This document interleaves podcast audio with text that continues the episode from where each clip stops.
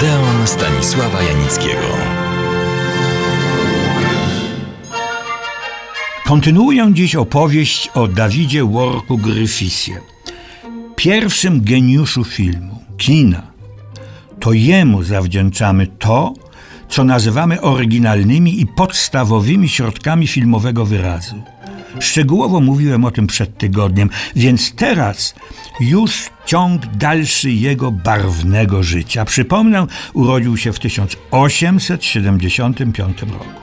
Najpierw grał w wędrownych trupach teatralnych. Marzył jednak o czymś innym, o pisaniu opowiadań, poematów, sztuk.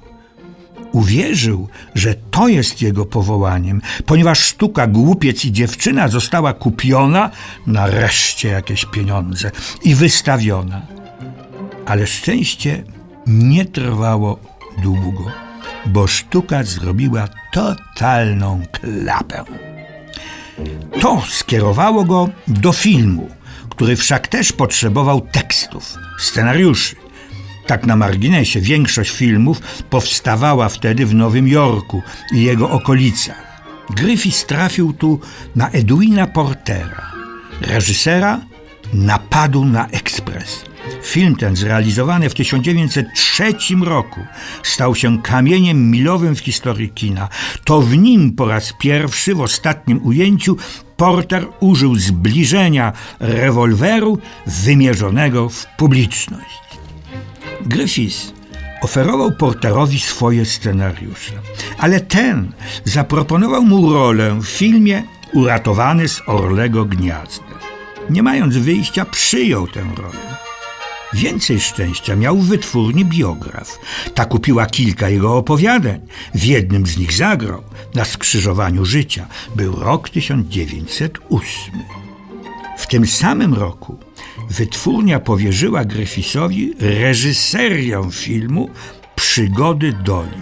I tak się zaczęło. W ciągu 18 miesięcy reżyserował ponad, uwaga, 400 filmów. Były to rzecz jasna krótkie filmy fabularne.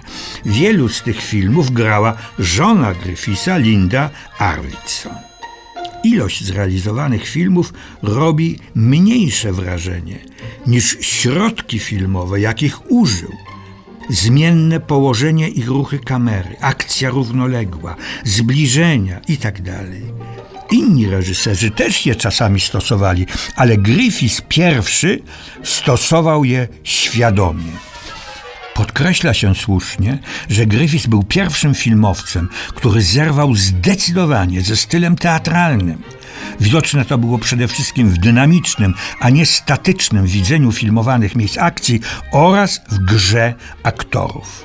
Wypada powiedzieć, że pracował z pierwszym naprawdę filmowym operatorem. Był nim Billy Bitzer. Z Gryfisem stanowili świetny tandem. To oni podpisali takie wielkie, wspaniałe filmy jak Narodziny Narodu, Nietolerancja czy Złamana Lilia. 16 lat pracowali razem. Griffiths zgromadził grupę młodych aktorów, których przysposobił do gry w filmie. Były między innymi takie późniejsze sławy jak Mary Pickford, siostry Dorothy i Lillian Gish, Mabel Normand, Maymar. Co więcej, Griffiths przeniósł produkcję tych filmów do Kalifornii, by wykorzystać słoneczną pogodę i bardziej urozmaicony krajobraz. Ówczesne filmy Gryfisa wyróżniały się różnorodnością tematów oraz wysokim poziomem warsztatowym i technicznym. Publiczność to zauważała. W ten sposób znak firmowy Griffiths stał się gwarantem, jak to się dziś mówi, godnego zaufania produktu. Ilość zrealizowanych przez niego filmów idzie w setki. Trudno uwierzyć, ale to prawda. Samo wymienienie tytułów zajęłoby nam kilka odeonów. Więc tylko najważniejsze, te, które przeszły do historii kina. Spekulant zbożowy, honor i jego rodzina, dzielna telegrafistka, muszkieterowie Speak Alloy, realistyczny film gangsterski, nowojorski kapelusz, odważny film społeczny, przedstawiający w krytycznym świetle małomiasteczkowy purytanizm i hipokryzję.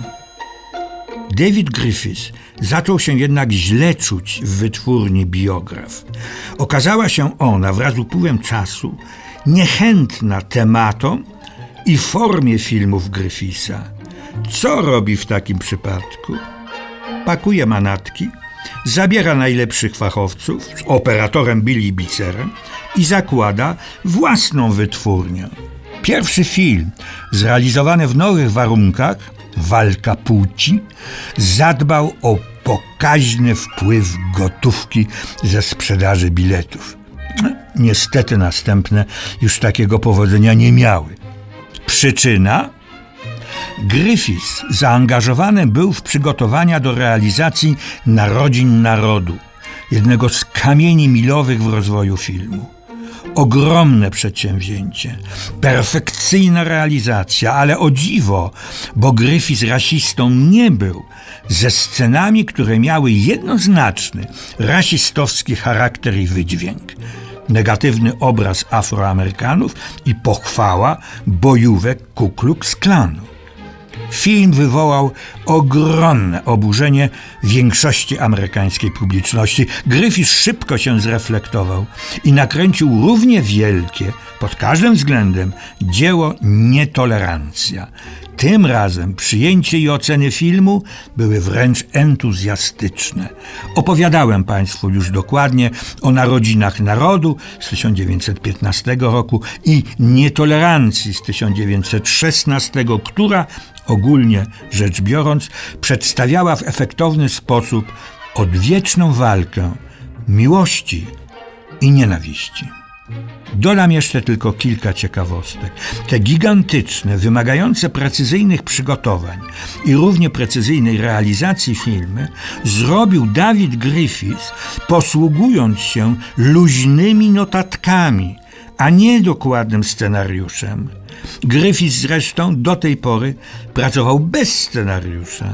Nieprawdopodobne, ale to były inne czasy. Poza tym Griffiths był kinematograficznym geniuszem. Jego filmy, szczególnie Narodziny Narodu, służyły jako materiał poglądowy, jak należy robić filmy. Na przykład w 1919 roku Lenin polecił sprowadzenie tych filmów do Związku Radzieckiego i zalecił ich pilne studiowanie. Wśród młodych adeptów sztuki filmowej byli m.in. Wsiewołot Pudowkin i Sergiusz Eisenstein. Już wkrótce i oni uznani zostali za arcymistrzów. Najwymowniej świadczą o tym ich dzieła, choćby Matka czy Pancernik Patiomki. A ja zapraszam Państwa na kolejny odcinek Odeonu poświęcony ostatniemu okresowi twórczości i życia Dawida Worka Griffith.